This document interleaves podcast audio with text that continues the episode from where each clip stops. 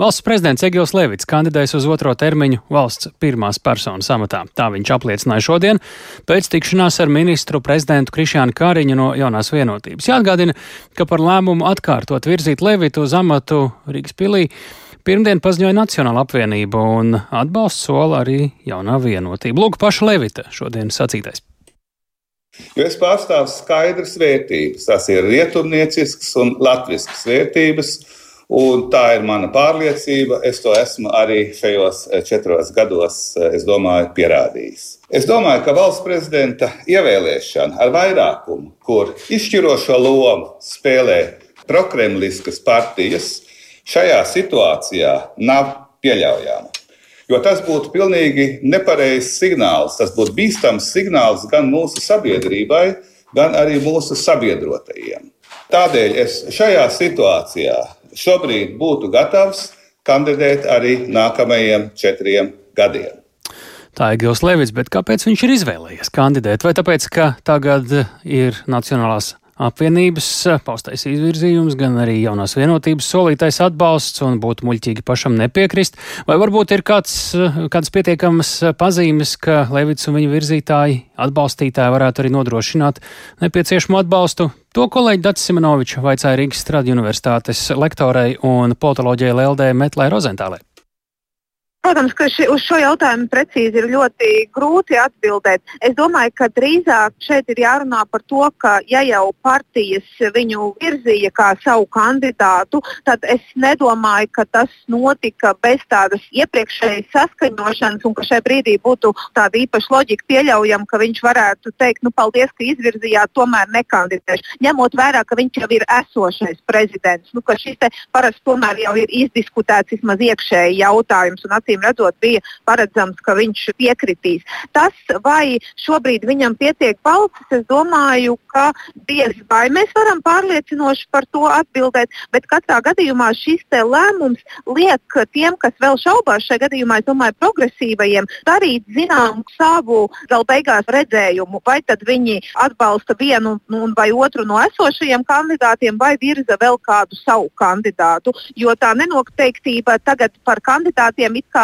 vismaz šiem diviem ir noņemta. Ir zināms, ka viņi abi būs, nu, un tad ir jāpozicionējas arī pārējiem politiskajiem spēkiem, nu, kāda ir viņu attieksme. Divi galvenie favorīti ir izteikuši savu gatavību kandidēt, vai mēs varam sagaidīt, ka pagaidām nu, tad arī vairāk neviena nebūs, un tikai pēdējā brīdī, ja Pīlēnam vai Levitam neizdosies mm -hmm. nodrošināt nepieciešamo atbalstu, tad tikai tad parādīsies kāds trešais kandidāts. Tā mēs varam prognozēt, jo šobrīd izvirzīt kādu trešo nebūtu īsti pragmātiski politiski. Jo proti, ja partijas ir nosaukušas savus šīs divi lielie partiju bloki, tad viņas ir pateikušas, ka viņas jebkurā gadījumā pirmajā kārtā balso par šo savu kandidātu. Tātad pat, ja tagad uh, progresīvie izvirza, piemēram, savu kandidātu, tad ir skaidrs, ka viņiem faktiski ir tikai progresīvo pašu balsis. Nu, vēl tāds nezināmais ir arī ZZS, kas līdz galam nav pateicis, bet atkal tas pats scenārijs. Pat ja viņi nosauc, tad jautājums, kur viņi dabū kaut vienu citu bez saviem partijas biedriem, kas šo kandidātu atbalsta.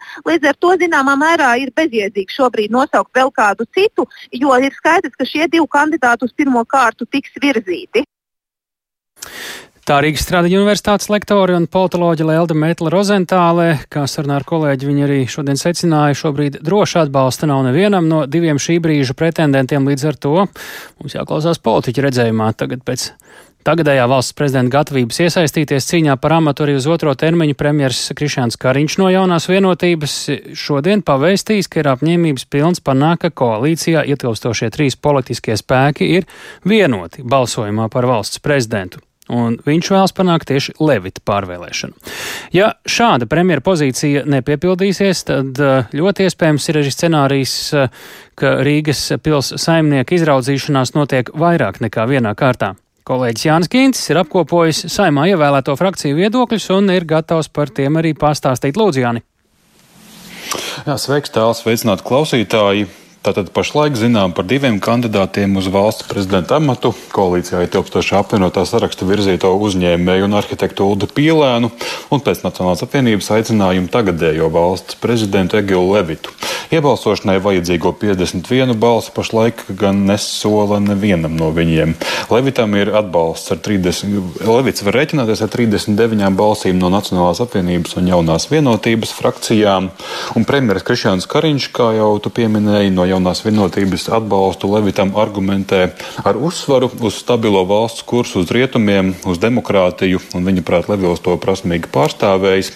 Savukārt pīlēna gatavība iegūt atbalstu nonākšanai valsts prezidenta amatā ar opozīcijas balsīm Kariņš vērtē kritiski. Paklausīsimies viņa teikto. Ir ļoti svarīgi, ka mēs valstī izvēlamies prezidentu, kurš pārstāv vērtības, nevis tikai spēj salasīt pa malu malām jebkādas balsis. Un tas, kur es tagad veltīšu savu laiku, ir ar saviem koalīcijas partneriem. Es strādāšu pirmkārt, lai mums būtu vienots kandidāts, ka mēs noturam šo ļoti skaidro ģeopolitisko kursu un nepieļaujam nekādas novirzes no savas drošības, kāda mums šobrīd ir sasniegta. Tas koalīcijas partneris, kas Kariņam būs jāpārliecina, ir apvienotā saraksta frakcija, kas ir izvirzījusi savu apvienības veidotāju pīlēnu kandidatūru. Un situācijā, kad trīs koalīcijas partijām ir divi kandidāti, valsts prezidenta ievēlēšana būtu iespējama ar opozīcijas balsīm. Un apvienotā saraksta pārstāvji pretēji premjeram nesaredz neko nosodāmu, ja pīlēnu ievēlētu arī ar kādām opozīcijas balsīm. Vairāk opozīcijas politiķi jau ir paguvuši paust publisku atbalstu pīlēnu ievēlēšanai piemēram, Latvija pirmajā vietā līderis Ainārs Lesers, un iespējamību pievienoties šim balsojumam paudzes arī stabilitātei vadītājs Aleksējs Rosļikovs. Savukārt progresīvie tuvāko nedēļu laikā varētu nosaukt vēl kādu atsevišķu kandidātu uz valsts prezidenta amatu. Tomēr pašreizējā situācijā šo kandidātu diez vai varētu atbalstīt vēl kādi deputāti ārpus viņu pašu frakcijas. Vienlaikus progresīvie ir atzinīgi novērtējuši Levita pozīcijas valsts drošības un ģeopolitikas jomā.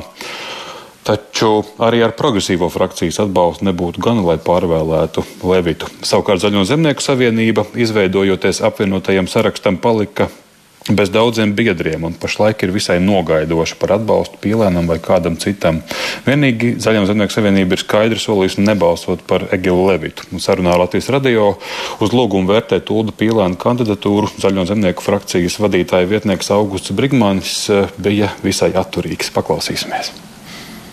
Viņš ir eh, cienījama godējuma kandidatūra, eh, bet tas būtu no manas puses diezgan no nu, tā pārāk eh, vai nepārdomāti teikt, ka nu, mēs viņu patreiz atbalstam. Ja? Tad mēs sagaidīsim, tad, kad visi būs, un tad mēs arī par viņiem katru konkrēti pieņemsim lēmumu. Vai pieļaujat, ka šajās prezidenta vēlēšanās ar vienu kārtu būs par maz? Diezgan ticami, diezgan ticami. Joprojām daudz politiskie spēki nav pateikuši, kā viņi rīkosies. Nu, tā skaitā, protams, arī mēs. No otras puses, ļoti droši tas ir tikai divas kandidatūras. Ja. Šajā vienkāršībā varbūt slēpjas arī, cik tas paradoxāli nebūtu sarežģīti. Nu, lūk, un šajā procesā var būt vēl dažādi pavērsieni. Valsts prezidenta amata kandidātu izvirzīšana, oficiālā piedošana pieteikšana būs no 9. līdz 13. maijam, un turpmākajās dažās nedēļās premjera Kariņa vārdiem runājot, var notikt daudz kas interesants. Jā, kā Jāni izpaustos valsts prezidenta vēlēšanas, ja būtu vairāk nekā viena kārta, nu, gan tajā politiskajā un balsu ziņā, gan arī vai tas var nozīmēt eh, arī balsošanu ne tikai 31. maijā un cik tādu kārtu vispār var būt? Nu, jā. Valsts prezidenta vēlēšanas notiks 31. maijā, un tās organizēs atklātā balsojumā ar vēlēšanu biļeteniem. Pēc katras balsošanas reizes izsvītros to kandidātu, kurš saņēmis mazāko balsu skaitu. Valsts prezidenta ievēlēšanai tātad ir nepieciešama vismaz 51 balss, un ja neviens no kandidātiem negūst atbalstu, kandidatūras jaunām valsts prezidenta vēlēšanām izvirza nevēlākā piecas dienas pēc pēdējās vēlēšana kārtas, un jaunas valsts prezidenta vēlēšanas saimas sēdē notiek ne agrāk kā desmit dienas pēc pēdējās vēlēšana kārtas. Un, ja arī jaunu vēlēšanu pēdējā kārtā neviens kandidāts nav guvis nepieciešamo balsu skaitu ievēlēšanai, tad tiek atkārtot rīkotas jaunas vēlēšanas ar tādiem pašiem nosacījumiem. Tātad likums pieļauj šādu notikumu atkārtošanos tik daudz reižu, līdz būs rezultāts ievēlēts valsts prezidents. Turklāt likums neliedz arī atkārtotās vēlēšanās kandidēt atkārtoti tiem pašiem kandidātiem. Taču, nu, vai nu tik tālu aizies? To mēs redzēsim. Paldies Jānis Kins, Jānim Kincim.